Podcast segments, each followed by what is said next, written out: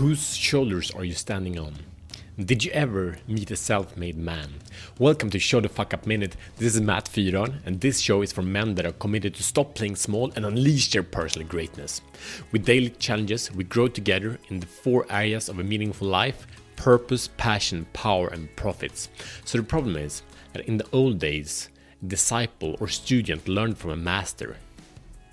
If it was in martial arts or maybe it was in the trades, there was always someone to follow. These men could spend decades together, one man and an elder to learn from. But today, we're more scattered and our world happens so much faster, right? So even though there are no examples of self-made men, you know, even Arnold Schwarzenegger speaks about that, like I'm not a self-made man, but culture still paints the picture of the self-made man, you know, the lone wolf that makes it all himself, like stands on the top of the mountain or top on the on, on the prize pelt after winning a race. But it's an illusion, he's not self-made, right?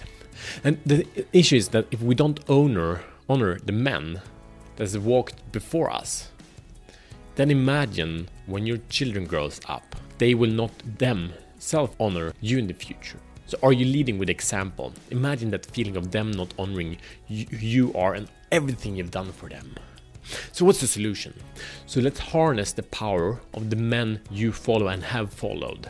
You don't need to like every part of them, but the parts that you want to go after. So it's all the men from your dad, your grandfather, and so on. The leaders in your industry, family men you admire, culture leaders, men showing courage, and so on. There's so many out there, from books you have read to to you know men you've seen on stage. Remember. Like, really, not all sides, but maybe it's one thing these men really inspire you to do. Hook onto that and take a following from them and by that be reminded and have them lead and inspire you. The truth is all great leaders are also great followers. And if we're not honoring our leaders, why would anyone wanting to follow you? So here's the mission if you choose to accept it. Spend 5 minutes and list all men you can come up with on whose shoulders you are standing on today print out number two print out pictures of these men and put them in front of your working space so you're constantly reminded of them. Number three connect and look at these men daily. So today is the day we are launching.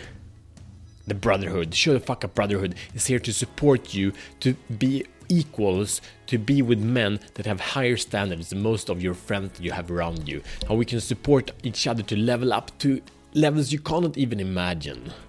So right below there's a link to show the up brotherhood. You can also search for it on Facebook and apply to join today. It's free, it's there to support, it's there to unleash, help you to unleash your inner greatness.